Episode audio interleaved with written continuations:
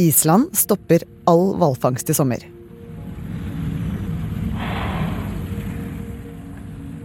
Bakgrunnen for det er rystende videoer av blodige finnhvaler som kjemper for livet i lang tid etter at de er skutt. Dette bryter med islandsk lov.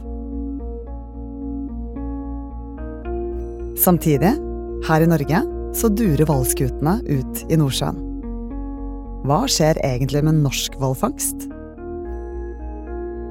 Jeg heter Synne Søhol, og du hører på Forklart, der vi i sommer går i dybden på to nyheter i uken.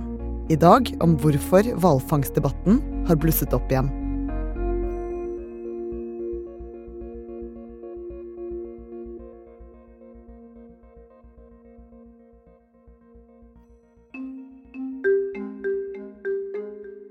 På Island så har det vært en stor debatt om eh, måten eh, hvalene blir fanget på. Eh, for nå har det kommet videoer som viser at den fangsten ikke foregår i tråd med dyrevelferdsloven. Stine Barstad, du er journalist her i Aftenposten. Hvor er det de videoene kommer fra? Hva er bakgrunnen her? Eh, på Island så var det store protester mot hvalfangsten, og det førte til at i fjor så innførte myndighetene krav om at hver eneste skudd som eh, ble avfyrt fra hvalskutene måtte filmes av en uavhengig inspektør. Eh, og de filmene de viste at det som skjedde på hvalskutene ikke var akkurat sånn som man tidligere trodde. På filmen er det sent på kveld. I lyset fra flomlykten så bryter den enorme hvalryggen havoverflaten.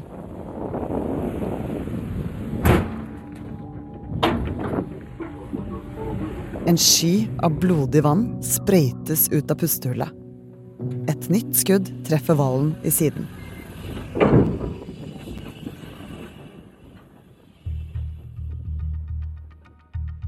Og så kommer det som vekker oppsikt.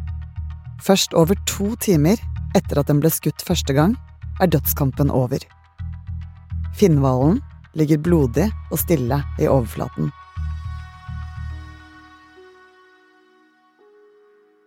Videoene viser at eh, det går mye lengre tid før hvalene dør enn det man tidligere trodde. Bare seks av ti av hvalene døde momentant og resten levde en god stund etter å ha blitt truffet av det første skuddet.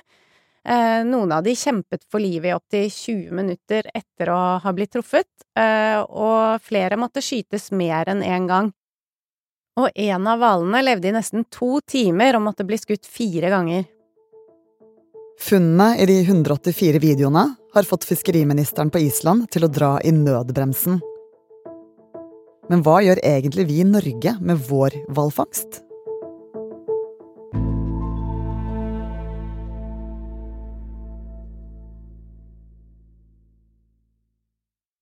Hvalfangst har opp gjennom historien vært eh, drevet på alle verdens hav, men nå er det kraftig redusert. Av de som er medlem av Den internasjonale hvalfangstkommisjonen, så er det bare Norge, Grønland, Alaska og Island som fremdeles fanger hval. Og for å forklare det, så må vi tilbake til 80-tallet.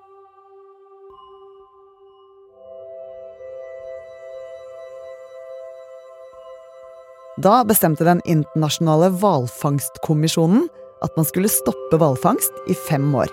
Og Grunnen til det var at de var usikre på størrelsen på bestandene hos de ulike hvalartene. Og de ønsket at hvert land, også Norge, skulle telle hvalene sine. Det var for å sikre et bærekraftig uttak av hval. Fem år går. Norge har gjort jobben sin med å kartlegge hval, men hvalfangststoppen oppheves ikke. Og her kommer vi til kjernen. For til tross for det, så valgte Norge å starte opp igjen hvalfangsten i 1993. Despite that, Iceland and Norway continue to hold annual hunts. Det er nå konkludert med at det finnes mer enn 68 000 dyr. Norge skal i sommer fange 110 av disse. Det førte til store protester og aksjoner.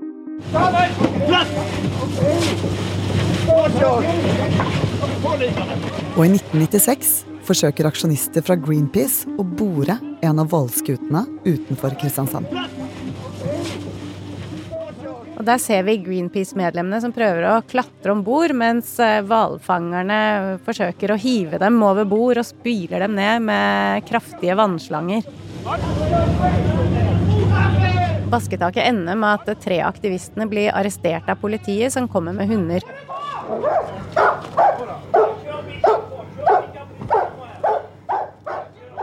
Stine, hvordan reagerte folk sånn generelt på at Norge tok opp igjen hvalfangsten?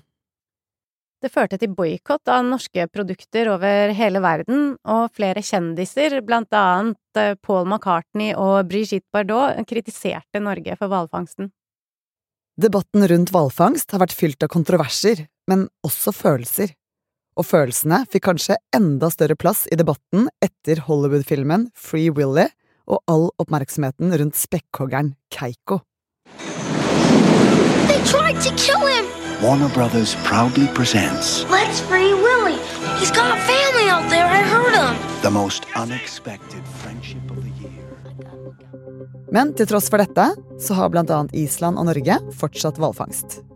I de senere årene så har protestene stilnet en del. Um, Norge er nå et av få land igjen i verden som driver med kommersiell hvalfangst. Men vi fanger mye mindre enn kvotene som er satt. Uh, og i tillegg så er det bare lov å fange vågehval i Norge. All annen hvalfangst er forbudt. Vågehvalen er den minste av finnhvalene. Men den er fremdeles ganske stor. Den kan bli mellom 8 og 9 meter lang og veier opptil 9 tonn. Både vågehval og finnhval avlives ved hjelp av en såkalt granatharpun. Det er et eh, stikkvåpen med en lang line festet til seg, og med en granat på tuppen som eksploderer inni hvalen. Det høres jo veldig brutalt og ekkelt ut, men det gjør at hvalen dør raskere, og sørger for at den ikke synker. Norge gjorde noen undersøkelser av fangsten i 2011 og 2012, og de viste at åtte av ti av vågehvalene dør momentant. De som ikke dør med en gang, de levde i snitt i seks minutter, og det mener myndighetene er i tråd med dyrevelferdsloven. Men det er jo over ti år siden. Hva, hva vet vi om hvordan situasjonen er i dag, da? Altså Fiskeridirektoratet, som har ansvar for fangsten i Norge, de mener det ikke er noen grunn til å tro at situasjonen er noe annerledes i dag, men tidligere undersøkelser fra Island viste også at det tok mye kortere tid å avlive hvalene enn det videoene avdekket. Norge har ikke noe krav, sånn som de hadde på Island, om å dokumentere hvordan hvert enkelt dyr blir fanget, Eh, så nå mener eh, dyrevelferdsorganisasjonen NOAH at det er på tide å gjøre noe med det. De oppfordrer norske myndigheter til å innføre filming av hver skuddsituasjon, sånn som eh, de har gjort på Island, og de mener også at dokumentasjonen bør gjøres offentlig. Men norske myndigheter har ikke noen planer om å gjøre det. Nærings- og fiskeridepartementet sier til Aftenposten at det stilles strenge krav til hvalfangst. Hvalfangere må gå på kurs og avlegge skytterprøver hvert år. De sier også at det ikke gir mening å sammenligne hvalfangsten i Norge med den på Island, siden hvalene de jakter på, er åtte-ni ganger større enn vågehvalene som vi fanger her. De sier også at de ikke har noen indikasjon på at norske hvalfangere bryter loven om norsk dyrevelferd.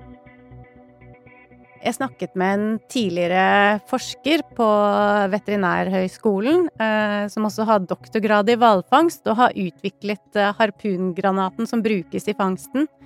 Og han mener at de videoene fra Island ikke alene kan brukes til å slå fast hvor fort hvalene døde. Det er fordi at hvalene ofte dykker eller synker idet de blir skutt, og at det tar litt tid før de kommer opp til overflaten igjen.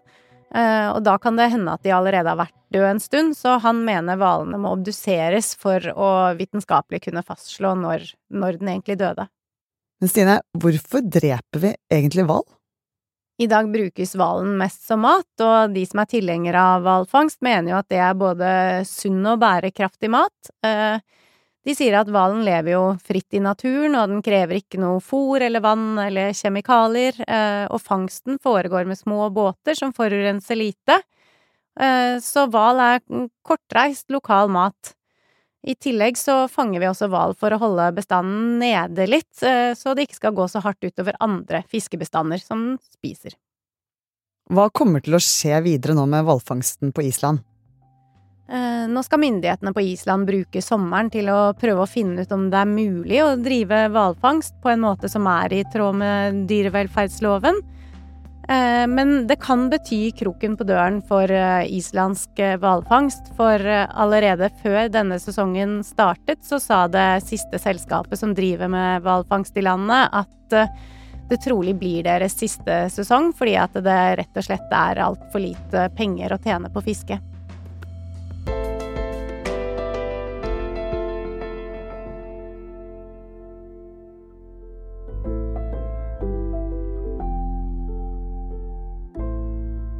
Du har hørt en podkast fra Aftenposten. Det var Stine Barstad som forklarte deg kontroversene med hvalfangst.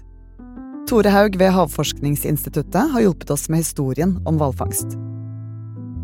Lyden du hørte, er fra Scripps News, nyhetsbyrået AP, NRK og traileren til Warner Bros.-filmen Free Willy.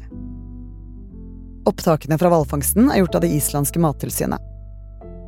Denne episoden er laget av produsent Jenny Førland og meg, Synne Søhol og resten av Forklart er Olav Eggesvik og Anders Weberg. Det finnes spørsmål som ikke er så enkle å google seg fram til. Typ renta. Hvorfor må den absolutt opp, opp, opp? Altså, Finnes det ingen andre løsninger? Og hva skjer med oss og samfunnet når vi vurderer å rate hverandre hele tida?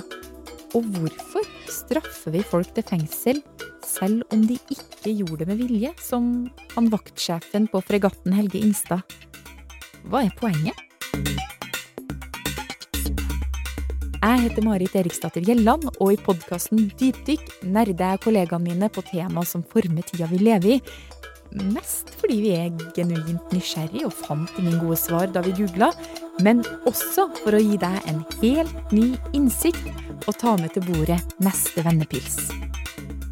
Sjekk ut Dypdykk i Aftenposten-appen eller hos Podmy. Ny sesong kommer onsdag 23. august.